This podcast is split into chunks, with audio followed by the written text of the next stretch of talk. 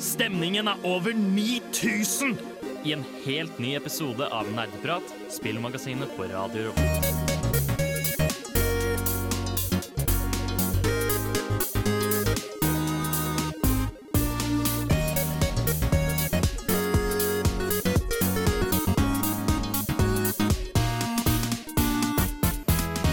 Hallo der ute, og velkommen til nok en episode av Nerdeprat, spillmagasinet på Radio Revolt. Jeg heter Anna, jeg skal være vår programleder i dag og guide oss gjennom temaet Early Access.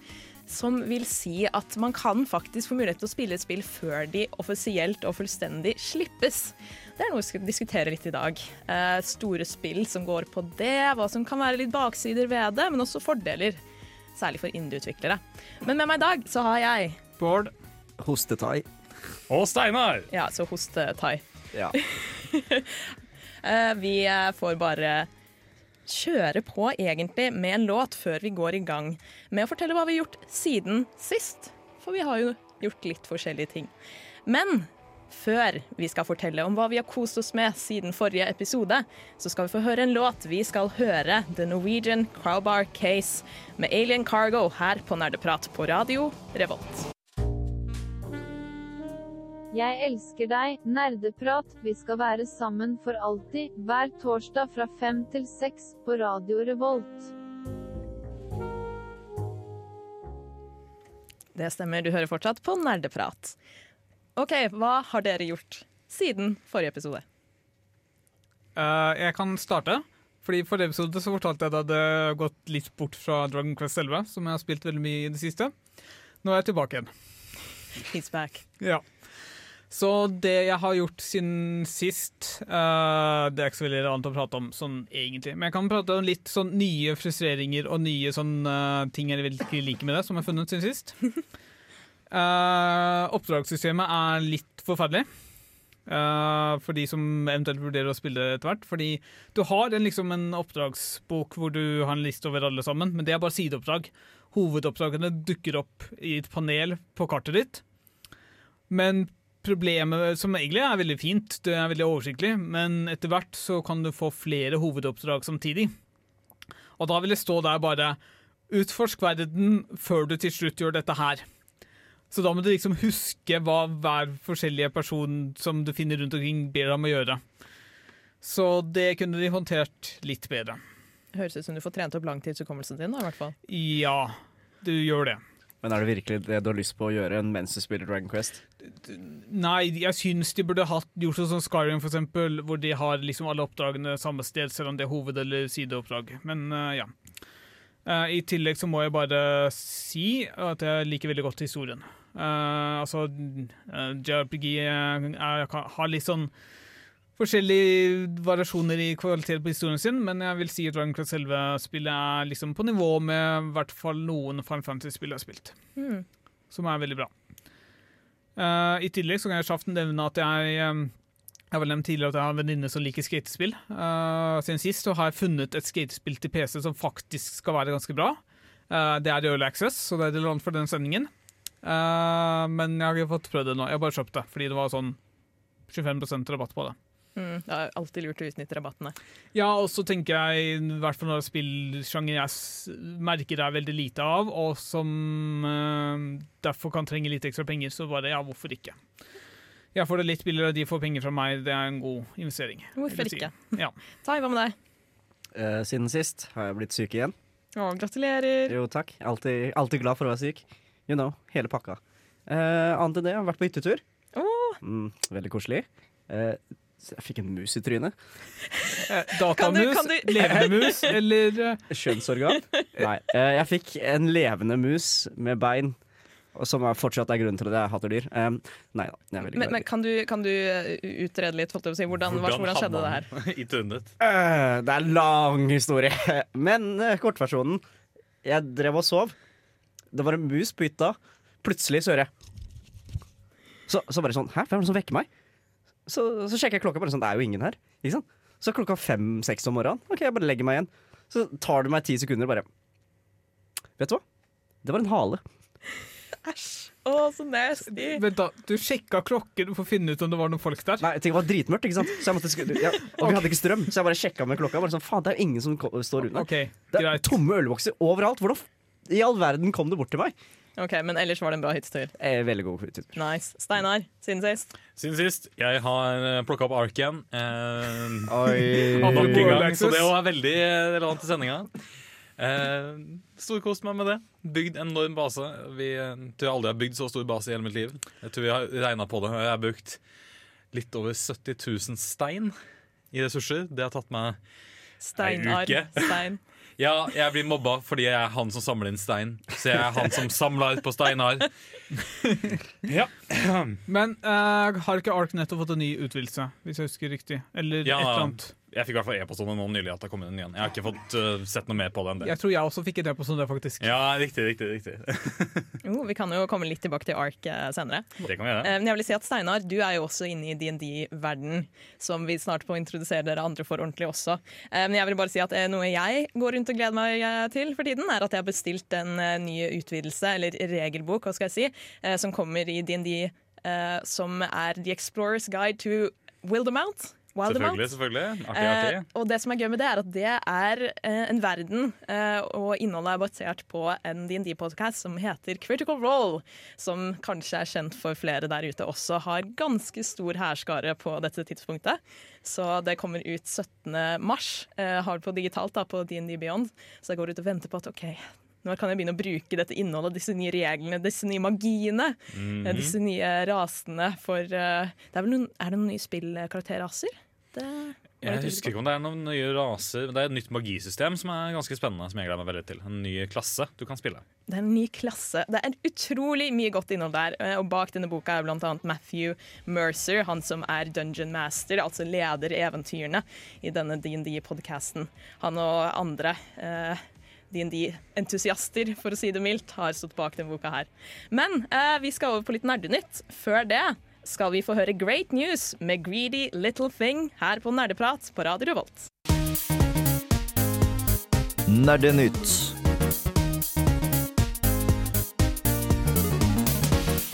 Det stemmer. Vi skal ha litt grann nerdenytt. Og Bård, kan ikke du starte med å fortelle om ganske, et ganske bra tilbud som nylig har kommet på en viss nettspillbutikk? Ja, eller det er ikke nødvendigvis tilbud, men det er uh, GOG.com som uh, har oppdatert sin eh, eh, Hva skal jeg si? uh, Returpolitikk? Nei, vet du, nei, politikk? Nei. Uh, ja, altså hva, hva som kreves for å få et kjøp refundert. Eller hva som tillates for å få et kjøp refundert. Ja, uh, vil bare si fordi på mange andre butikker som Steam og andre hvor du kan Det er mulig for deg at hvis du har kjøpt et spill, så kan du få tilbake pengene hvis du ikke er fornøyd, men da er det ofte ganske stramme tidsskjema for det. Ja, det er i hvert fall enklere hvis du har eh, eid produktet i mindre enn to uker og spilt mindre enn to timer, mener Ja. jeg å huske fra hodet mitt, men ikke siter meg på det.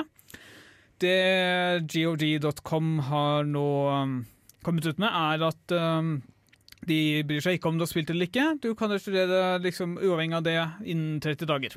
Mm. Som er det Jeg tror det er liksom den beste De beste kriteriene som finnes liksom blant nettbutikker overhodet akkurat nå.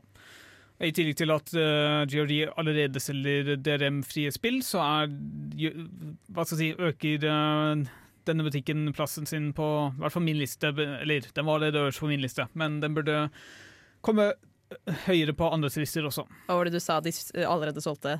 Eh, DRM-frie spill. Så vi, vi, i eksempel om 20 år, hvis Steam eh, gjør masse dritt og alle forlater Steam, så vil du miste spillene dine fordi de er bundet til Steam. Uh, GOG kan du laste ned spillene dine du har kjøpt når som helst, og lagre dem på en harddisk. Du kan installere dem uavhengig av at GOG eksisterer, Mm. som er en fordel. Det er litt interessant, da, for det er jo sånn mange som snakker om at digitalisering av spillplattformer vil gjøre at du egentlig ikke eier spillet, for du kan også helst miste det. da. Det gjør du her. Du eier en kopi av spillet. Jeg syns det var kjempesøtt av dem, eller søtt, det er litt trist samtidig, at GOG bare kom ut bare eh, Vi har forbedret eh, return-policyen vår. Vær så snill, ikke misbruk den. Ja, fordi det var jo også en ting da, som De må jo ha en prøveperiode på det for å se at folk ikke spiller ferdig spillene. Og så bare «Jeg- var ikke så fornøyd. Kan jeg, jeg, kan jeg få tilbake pengene mine?' Fordi det hadde jo vært et problem. Da hadde Det de er, jo, en del. det er jo bare 300 timer gameplay, hallo! ja, Altså, på, på, en, på 30 dager, hvis du spiller 10 timer hver dag, Hvorfor ikke? hvorfor ikke? Uh, ja. Uansett. Det, var det noe mer, Bård, du hadde på hjertet på den? Uh, nei, det er egentlig bare det. Uh, Sjøl spill på GOG, de er kule. Mm. GOG.com. GOG eh, eh? GOG.com. Ja, for de som er interessert i bra refund policies. Ja. Eh, over til en, en litt mindre hyggelig nyhet er at eh, skaperen av den klassiske Konami-koden er død, altså Kazuhisa Hashimoto. Uh, melder Game Reactor. Da. Og for de som ikke vet det, så var det i gode, gamle dager i de tidligere, uh, tidligere Metal Gear-spillene, så hadde han implementert en, en kode hvis du trykka hva var det, opp, ned, nei. At hvis du hadde noen visse kommandoer, så kunne du få eh, power-ups og mer liv til karakteren din og sånn. Så det var en ganske etter hvert dårlig bevart hemmelighet i spillverdenen, da. Opp, opp, ned, ned, venstre, høyre, venstre, høyre, BA, start. Nå juksa jeg litt og så på det, men jeg kunne nesten i hodet. med det. Men, Men det, det, for å si det sånn, det er ikke bare spill som er implementert heller. Du kan gå på nettsider, i hvert fall noen av dem, og trykke inn det, og så kan det hende at det skjer noe kult. Det er litt sånn kult Hva skal jeg si? Kultarv fra Metal Gear. Litt, har det fått Altså, min status? det, har jo liksom gått utenfor spill. Den er overalt. Hvis noen ber om en liksom hemmelig kode, så er det et ganske stor sannsynlighet at det er riktig. Mm. Pop, Popkulturfenomen. Ja. popkulturfenomen. Så skaperen av et popkulturfenomen har dessverre gått bort, og han ble hva var det? Eh, Han ble bare 61 år gammel, uh, melder Game Reactor. Og det er jo egentlig ikke så gammelt, så det var jo litt trist. Jeg er ikke helt sikker på akkurat hvorfor, men eh, rest in peace, får vi bare si. Har, har du navnet på den? Det, ja, det nevnte jeg i stad. Kasuhisa Hashimoto. Mm. Eh, Men over på noe som er mer hyggelig, også er relatert til Metal Gear. Altså vår kjære Hideo Kojima, skaperen av Metal Gear Solid. Eh, Death Stranding. Et uh, mad genius. Et galt geni. Han- gal. har vi snakket om før. Og ja, dere husker jo sikkert uh, hvor mye vi snakket om at han gjerne egentlig helst ville produsere film. Vokste opp med å bli tvunget til å se film basically av foreldrene sine. Han Skal han nå lage film? Eh, altså, Death Stranding var jo på mange måter en film, oh, men, men han har faktisk blitt nominert eh, Eller han skal faktisk motta en BAFTA-pris. For hva da? Eh, bare fordi det, altså det, det det står da på BAFTAs nettsider, det er at den prisen den skal han få bare som en anerkjennelse for det han har medbrakt til spillindustrien, egentlig. Nå husker jeg ikke helt hva en BAFTA er, men kan, Eh, hva, hva skal jeg si er da? ikke det Det er britisk er... uh, pris for spill eller kultur generelt? ja, for kultur. Uh, mer kultur og medier og sånn. Kulturelle medier, kan man si det. Jeg tror kanskje Steinar er på saken og finner svaret til oss straks. Men er her. altså, den er absolutt fortjent, selv om Kojima er definitivt gal, og helt gal, Ja. så har den mye å komme med. Den heter, eller BAFTA står for British Academy Film Awards. En årlig prisutdeling delt ut til The British Academy. Ok, ja, i hvert fall. Det var en hyggelig nyhet å avrunde med. Men vi må gå videre. Vi skal gå inn på hovedtemaet Early Access. Før det skal vi få The Mormons med That's It, I'm Calling The Mothership. Dab, dab, dab,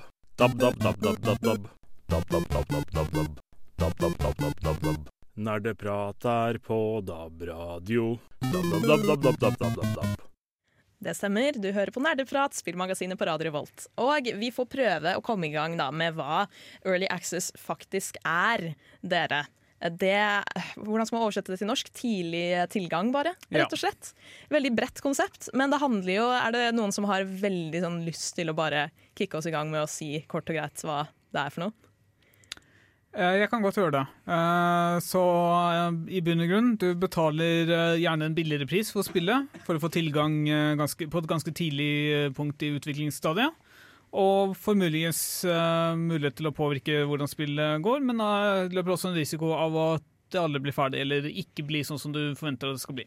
Ja, fordi det trekkes jo gjerne fram fordelene ved det her. da, At du bl.a. har muligheten til å få feedback fra folk som er heldige og får tilgang på disse spillene. Og så tror jeg vi burde liksom nevne inn temaet litt også. Det er ikke helt det samme som Kickstarter, fordi Kickstarter så betaler du kun et uh, løfte. Åh, Jeg var litt uenig her, for du er jo at folk kan få tidlig tilgang på sånn beta-versjoner Jo, og sånn. men på Kickstarter så betaler du et, for et løfte om at dette her kommer kanskje til å skje en eller annen gang, mens uh, i Early så har Steam en uh, greie med at det skal være spillbart, og hvis det ikke er spillbart, så får du pengene tilbake. Mm. Uh, og så vil jeg også si at det ikke er det samme som Open Beta. Open Beta er alltid gratis og mulighet til å teste ut uh, selv, mens Early Access er alltid penger. Og da har du kontinuerlig tilgang fra du kjøper, mens Open Beta gjerne er det periodevis. Og så fortsetter du å utvikle, og så kommer kanskje en ny Open Beta. Mm. Men hva, hva om det er en closed beta? Bare at du betaler for å komme Eh, inn Du, i closed beta? en lukket beta er heller ikke betaling. Damn. Okay. Eh, Det er bare at en begrenset hvem som kan komme inn. You're wrong, Ty. I'm sorry. Jeg kan jo også nevne at det mest populære Early Access-stedet, Steam, uh, Mm. ble lansert i 2013. Men du har noen gode eksempler fra perioden f- fra før det også, f.eks. Minecraft. Det er jo noe som vi kan eh, snakke også Ja. litt om senere. Det, er, det er et erkeeksempel. da. Det var jo en god del år i Early Access-perioden også. Ja. Og det er jo også eh, litt som kan være litt vanskelig. da. Det er ikke alltid så lett å vite akkurat hvor lenge et spill befinner seg i Early Access-perioden heller. Nei, jeg kan Vanlig jo kanskje et år, men uh, ja, det er veldig varierende. Veldig, veldig varierende. Og det gjør det også veldig problematisk å liksom ha sånn Game of the Year-kåringer, fordi ja. Det, det, det hender av og til, eksempel Shade Aspire, mange oppdager det når det blir liksom sluppet i Early Access, og så glemmer de egentlig at det eh, blir, eksisterer, og så blir det liksom Nå er versjon én, men folk spiller ikke fordi de har spilt det, eller tenker ikke over at det blir sluppet i år, og da går du kanskje glipp av noen priser. ja, Slade Spar var det kortspillet slash Ja. RPG-aktig. Var det du også som hadde spilt det, Tai? Det er kjempebra.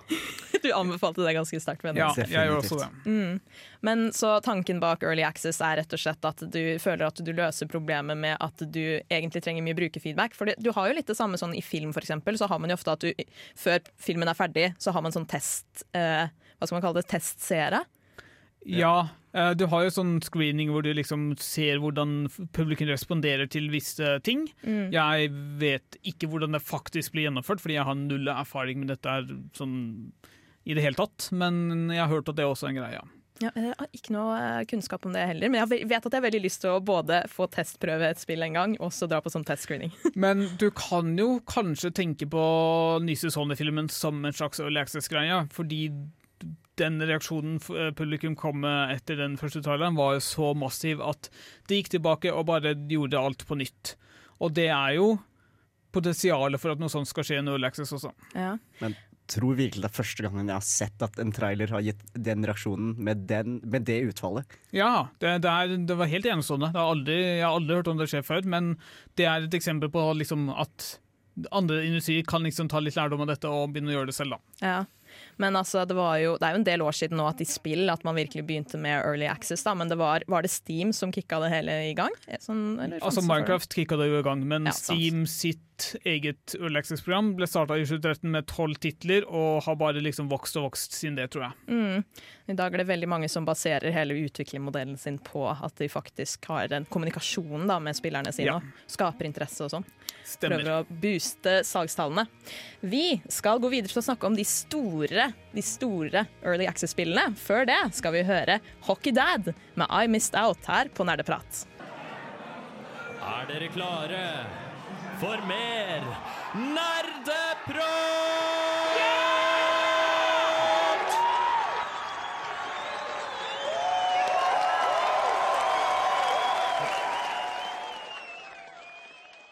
Vi er tilbake, skal snakke mer om Early Access-spill, og det er jo særlig ett spill som dukker opp i eh, hodet mitt, i hvert fall, når man snakker om Early Access. Det er vår gode, gamle, fantastiske blokkbyggende Minecraft. Har alle her vært liksom innom den der prøveperioden de hadde? Først alfa, hvor du bare gikk rundt og basically slo ting. og så beta, og så utgivelsen. Jeg tror jeg begynte å spille det i beta. Jeg tror jeg også begynte å spille det i beta. Når var det? Var det, sånn, altså det er litt variabelt når oss, eh, hvem av oss gikk i ungdomsskolen og videregående, og sånn, men jeg tror det var da jeg gikk på ungdomsskolen at den Altså, Jeg kan sikkert logge inn på Minecraft og nett og liksom finne ut når jeg faktisk kjøpte det, men uh, Jeg, jeg, var, jeg var ikke blant de første, definitivt. Jeg var liksom i andre pulje. Jeg kjøpte så sikkert i sånn 2010-2011.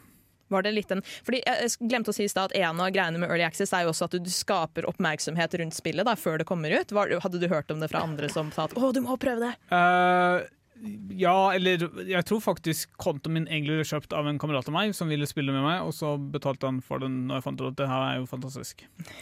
Så ja, uh, definitivt det. Og det senker jo også terskelen litt når det er billigere. Um, og det gir jo uh, utviklerne bak litt ekstra penger for å fortsette utviklingen, da. Mm. Men hvor lenge var det i alfa og beta? Det var en god del år, var det ikke? Jeg tror Steinar har uh, den saken. ganske klar. Jeg jobber effektivt med å prøve å finne ut uh, informasjonen dere spør etter. Eh, Jeg tror det er over fem 2010 kom Alfa Ja. eh, med mye nytt. Jeg Var det 2010? Jeg trodde det var før. Herregud. Nei, det var da Alfa. Sommeren 2010 kom Alfa med mye nytt. Som The Nether, eh, rødstein, eh, båter og dyr. Men jeg tror den hadde en pre-alfa også. Ja, det gud, hadde- ok, nå blir det det, veldig det som mange lag her. Minecraft Classic. Og Classic var virkelig bare blokker. Et tomt område. Det var ikke veldig stort map heller. Eh, jeg husker Den eneste artige blokken eller mer spennende enn gress og tre du fikk, var murstein. Det var sånn wow, jeg kan lage mursteinhus! Og det var bare disse helblokkene. Det fantes ikke halvblokker og sånne ting. Nei, nei, det var bare sånn én ganger én meters blokker. Mm, for Minecraft er jo virkelig et spill som har endra seg totalt siden alfa- og beta-versjonen. Det har jo blitt så komplekst. Og jeg så at eh, en av de neste oppdateringene skal gi deg bier. Eller sånne humler som flyr de, de har kommet kommet De har kommet. De er veldig søte. Ok, nå må jeg faktisk spille igjen, for de er det søteste jeg noen gang har sett. Hvis du vil se det søteste i verden, eh, lytter, så google Minecraft Bees. Eh, men i hvert fall så starta jo Ok, det starta kanskje ikke en early access-trend, de var veldig tidlig ute. Eh, et spill jeg ble veldig overraska over fortsatt er i early access i dag, som er gigantisk, det er jo Fortnite. Ja. eh, jeg vil si Fortnite har en veldig interessant historie. Fordi Fortnite holdt på å bli skrotet av Epic Games. På grunn av, de hadde en sånn spille mot miljøversjon som heter Save the World. Som er liksom det som vel er hovedgreia som er Early Access. Uh, og så slapp de Battle Royale over en sommer, og så eksploderte det. Ja, for det var den nye versjonen. Ja, den, Det er den gratisversjonen. Save, the- altså, the World koster penger.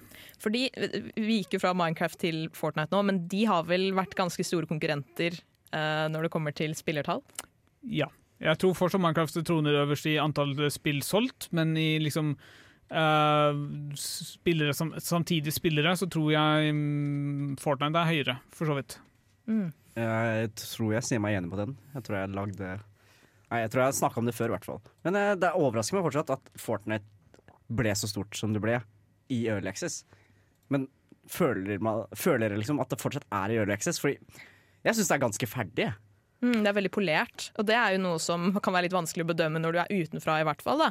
At du syns at det ser ut som et fullverdig spill, men det er fortsatt ting de driver og tester ut. og sånn. Men har dere spilt den alternative versjonen hvor du spiller, spiller mot miljøet?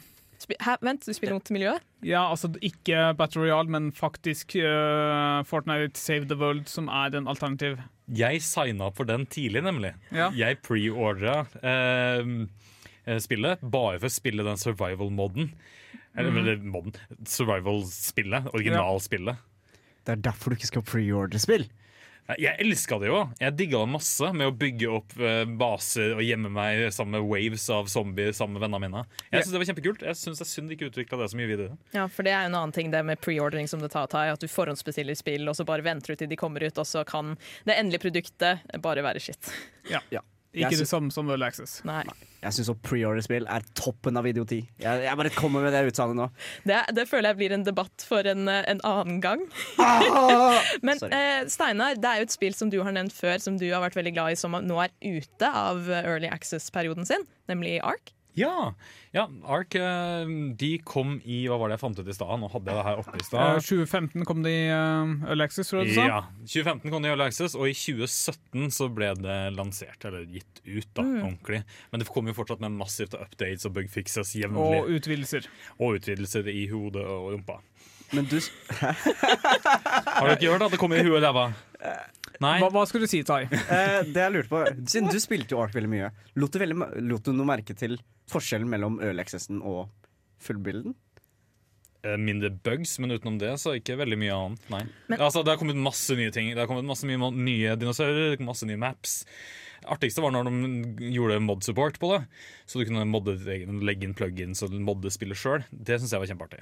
Fordi Ark er vel et ganske komplisert spill, og da gir det jo mening at de hadde De trengte et par år med forhåndstesting, for å si det sånn. Komplisert og komplisert. Det er veldig vanskelig, i hvert fall. Ja, Vi må komme oss videre. Eh, Men før vi skal snakke litt mer om indie-utviklere, så får vi Public Practice med Compromised. Oberst, jeg prøver å snike meg forbi vaktene, men lyden av min rumpeblafreng distraherer dem fra å lytte på nerdeprat. Vi er tilbake her på Nerdeprat. Eh, vi snakket jo litt så vidt om indie-utviklere i stad, og at de ofte får veldig mye ut av early access-tilbud. Eh, og så tenkte jeg det med at, eh, at det er jo litt risiko involvert også, i og med at folk vet jo ikke alltid f.eks. hva det endelige produktet vil være, da. Vil si for de som faktisk står og venter på disse spillene, ikke sant. Eh, nei, det er et veldig godt poeng. Eh, jeg eh, kjøpte et spill en gang som heter Starforge, tror jeg. Eh, Det gikk ut av Early Access i 2015, og i 2017 bare forsvant det helt fordi det var virkelig ikke ferdig. Så ja. eh, det, var, det er min liksom uh, Early Access-flopp å snakke om. Ja. Så er det noen greier Var det ikke spilt som et Earth 2066 eller noe sånt på Steam også? Jo, stemmer. Det har jeg mindre kjennskap til, men det, på Wikipedia-siden om Early Access så er det nevnt som et eksempel på failure. Mm. Men eh, ja, fordi altså, særlig jeg, jeg, jeg tenkte at særlig når det er enkeltpersoner, eller veldig begrensa gruppe med personer som står bak spillutviklerne, så kan det være litt sånn at de kan bare lettere komme seg unna og ikke levere dette spillet i det hele tatt. da. Ja. Eh, jeg har veldig lyst til å nevne en artikkel jeg leste rett før vi gikk inn i studio. Uh, av PC Gamer, faktisk. Ja. Uh, jeg fikk ikke lese gjennom hele, men den var utrolig interessant, hvor de snakka om liksom Uh, Tittelen var liksom Daisy som skapte en helt ny sjanger, som er liksom ufullførte overlevelsesspill. Vi kan prate mer om det senere, men et veldig godt eksempel som kom inni der, var Jeg husker ikke navnet på spillet, men det var et spill som kom, kom seg til sånn åttende alfa, og så var det skjønt at nei, eh, programmereren bare forsvant. Og pengene fra Access er borte, så spillet forsvant fra nettbutikken, og de, de som kjøpte det, har mulighet til å få spille det der eh, alfa nummer åtte, mens eh, for alle andre så er det borte. Ja, for det var noe jeg glemte å spørre om, at Du betaler jo som regel ikke like mye for et Early Access-spill som du ville gjort for fullutgivelsen. Det varierer som regel, så står det på produktsiden vi har tenkt å øke prisen for Early Access etter Ja, okay. Early Access, og det er ja, veldig vanlig. Ja, Og som regel hvis du faktisk støtter det tidlig, så kan du få fullversjonen uten å måtte betale mer. Da, Du, du får fullversjonen. Altså, Ja. du, når de går til versjon 1, så får du det produktet også. Eh, så det, det er litt mindre risiko enn uh, for eksempel Kickstarter. Du får spille noe Altså, du, du, Steam passer på at du har noe du kan spille, men Ja. du er fortsatt ikke, ferdig, du, fortsatt ikke sikker på at du får det du forventer når versjon 1 kommer. Ja, for jeg så at uh, I 2014 så stramma Steam litt inn regelverket sitt på det her, fordi det var en stor prosentandel av spillene som var i Early Access som bare aldri ble sluppet ut. da. At det var høyt nok det tallet til at de, okay, de må ha litt strengere krav til hva slags planer har dere for spillet. Dere må vise at dere faktisk er i stand til å levere et fullverdig produkt. Eh, det var et spill som ble shoppet ut av Alexis med masse feil, som bare gjorde at spillet ikke ville starte engang, så Steam fjernet det og refunderte alle pengene.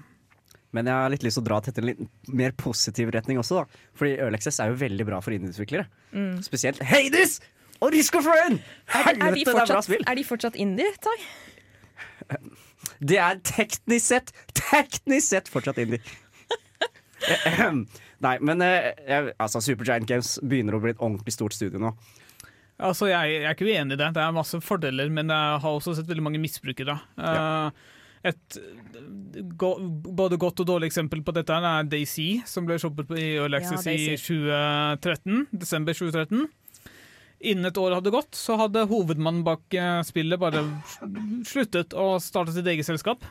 Eh, Så mange vil jo tro at han eh, Fordi Daisy er et av de mest solgte spillene liksom tidlig. De solgte 400 000 eksemplarer i starten. Det er det zombie-overlevelsesspillet hvor du bare gikk rundt i en verden sånn Ja. eh, Eller det var multiplayer online, var det ikke?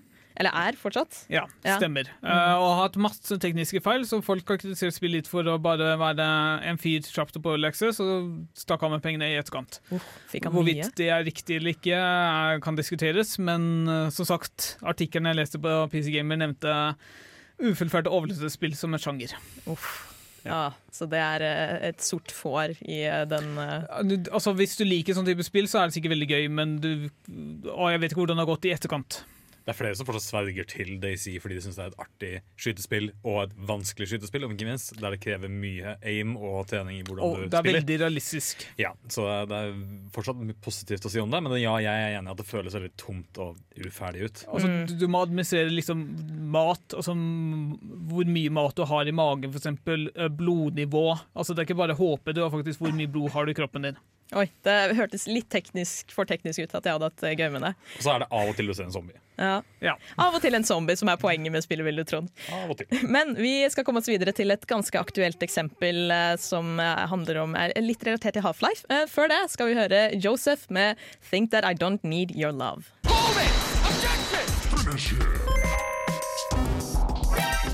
Nerdeprat. Eh, vi kan gå inn på et litt videre konkret spilleksempel når det kommer til Early Access. Eh, fordi Bård, du nevnte jo eh, for en tid tilbake Black Misa. Som har vært på Steam nå en stund siden 2015, men nå er det snart ute av Early Access. Ja, jeg nevnte det sånn type i dag eller i går, eller noe sånt. men eh, det er veldig relevant. Fordi eh, for ikke så veldig lenge siden eh, OK. Black Mesa er en uh, re, uh, gjens- reskapning av Half-Life 1 i Half-Life 2-motoren, tror jeg. Jeg er litt usikker på hvilken motor spesifikt. Ja, og dette er da et veldig ikoniske spill utviklet av Valve, som også eier Steam, da, Ja. for de som ikke er så kjent med Uh, Half-Life. Half-Life 1 er det mange som anerkjenner som liksom et av de beste spillene i, liksom, gjennom historien, omtrent. Uh, det er veldig, jeg har ikke fått spilt så mye av det selv. Jeg startet på Half-Life 2, men jeg, det er mulig jeg spiller uh, Black Mesa som en slags erstatning. Så uh, det som er Som sagt, Black Mesa kommer nå endelig ut uh, i starten av mars. Uh, noen av Før 10. mars. Jeg er litt usikker på nøyaktig datoen. Eh, og det spillet har vært i utvikling siden 2004, visstnok. Så det har altså vært lengre lenger i utvikling enn uh, f.eks. Duke Nukem Forever. Men i motsetning til Duke Nukem Forever så ser det faktisk dritbra ut. Og det starta først som en mod, og så ble det lansert på Steam i Early Access i sikkert sånn type midten av 2010-tallet. Altså rundt 2015 eller noe sånt tipper jeg. Jeg var på NTNU da det skjedde. Uh, og nå har det endelig blitt ferdig med Zen, som liksom er siste delen av Half-Life. Jeg har ikke spilt Half-Life, så jeg vet ikke liksom hele greia, altså alle de forskjellige delene, men det er et av de liksom siste og vanskeligste tingene å få til, er det nå endelig ferdig med. Og det er liksom litt separat fra den hovedhistorien, så da gikk det greit å vente med det. Men jeg lurte litt på den, eh, altså det sammenfallet mellom at det var en mod og ble utvikla av privatpersoner som bare var fans av spillene, de forrige spillene, ikke sant? Og det med at det var i Early Access nå, trengte de penger for å utvikle det her? Har de hva, de, de trengte jo sikkert ikke penger, fordi det var Det er definitivt et lidenskapsprosjekt. Ja. Ja, og de startet jo som en mod før de fikk noe penger. Eh, men jeg vil jo tippe det fikk litt fart i utviklingen. Å få penger og få litt støtte. Ja. Og så må de åpenbart ha fått eh, litt eh, godkjenning og støtte fra Valve også, i og med at den selges nå på Steam. Som også er et veldig godt tegn. Ja, fordi jeg skulle si det der med at det er jo Valve sitt produkt, så hvis noen andre hadde prøvd å tjene penger på noe som var direkte relatert til spillet deres, så hadde det vært mye Jeg tror det er gjort med veldig velsignelse. Ja. Uh, Valve har ikke gjort noe med Half-Life-serien siden Half-Life 2 episode 2. Nei, nå holder de på med noe nytt. Stemmer. Noe VR-greier. Men Ja, Det er jo faktisk Half-Life-realitet. Det er jo Half-Life Alex, de VR-greiene de holder på med nå. ja, Så stemmer. det er også i den verden. Jeg eh, har ikke VR-briller, så jeg anerkjenner ikke det som et ordentlig eh, Half-Life-spill helt. Og jeg venter fortsatt på Half-Life 3. Det er en debatt som vi kan ta en annen gang. Ja. Ja, eh, Bare for en liten oppdatering. Eh, releasen er 5. mars 2020. Takk, Steinar. Vær så god. Det er jo ikke lenge til i det hele tatt. Er- Nei. Og prisen kommer ikke til å øke når det går ut av Access, så det går fint an å vente til etter det. Men spillet er mer eller mindre ferdig nå. Så det er studentvennlig pris. 145 tror jeg det koster. Supert. Vi er jo snart ved veis ende, faktisk. Nå fikk vi en liten anbefaling på slutten her, da. Veldig. Eh, men før vi runder av for dagen, så skal vi få høre The White Stripes med Good to Me. Vi er snart ved veis ende her på Nerdeprat. Eh, og jeg tenkte vi kunne runde av med å bare komme med noen kjappe anbefalinger i forhold til Early Access-spill og hva vi, vi har kost oss med. da. Ja, jeg kan begynne. Jeg vil anbefale folk å teste ut et spill som heter Factorio. Det er et fabrikk-byggespill. Ja. Overlevelsesspill. Survive på en planet med aliens. Veldig veldig gøy. Veldig gøy hvis du liker å automatisere ting og gjøre ting effektivt. Det kommer ut i høst, men er veldig spillbart allerede nå. Veldig spillbart. Hvor får man tak i det hvis man har lyst på å prøve Dette det? får du tak i på Steam. Steam, ja. Bare Steam. Nei, Nei, Du får også så- på nettsiden dem selv. Sin egen Ja. nettside. tror jeg. Oh, ja, OK. Mm -mm. Hva med, hva med deg, Tai? Eh, jeg anbefaler som regel, som vanlig, igjen Risk of Rain eller Hades. Risk of Rain 2, eller bare begge? Eller? Et, prøv begge. Nei, men det er toeren som er best. Ja, Det er den som er ute i Early Access fortsatt nå også? Det er det. Mm. Ja. Uh, jeg vil anbefale Eller jeg har ikke fått spilt ennå, men når- hvis du har lyst på et ordentlig skatespill på PC, uh, Session heter det jeg nylig kjøpte. Det ser virkelig lovende ut, selv om det er veldig tidlig. Ja, men Supert. Da har vi fått noen eh, anbefalinger som du, kjære lytter, kan sjekke ut hvis du er gira på å dykke litt inn i Early Access-verden. Men vi er ferdig for dagen, og eh, vi eh, ja, får bare si takk og farvel. Ses neste gang. Vi skal få høre Limboland med Konsum Embryo. Ha det bra. Ha det! Ha det. Du har lyttet til en podkast på Radio Revolt, studentradioen i Trondheim. Sjekk ut flere programmer på radiorevolt.no.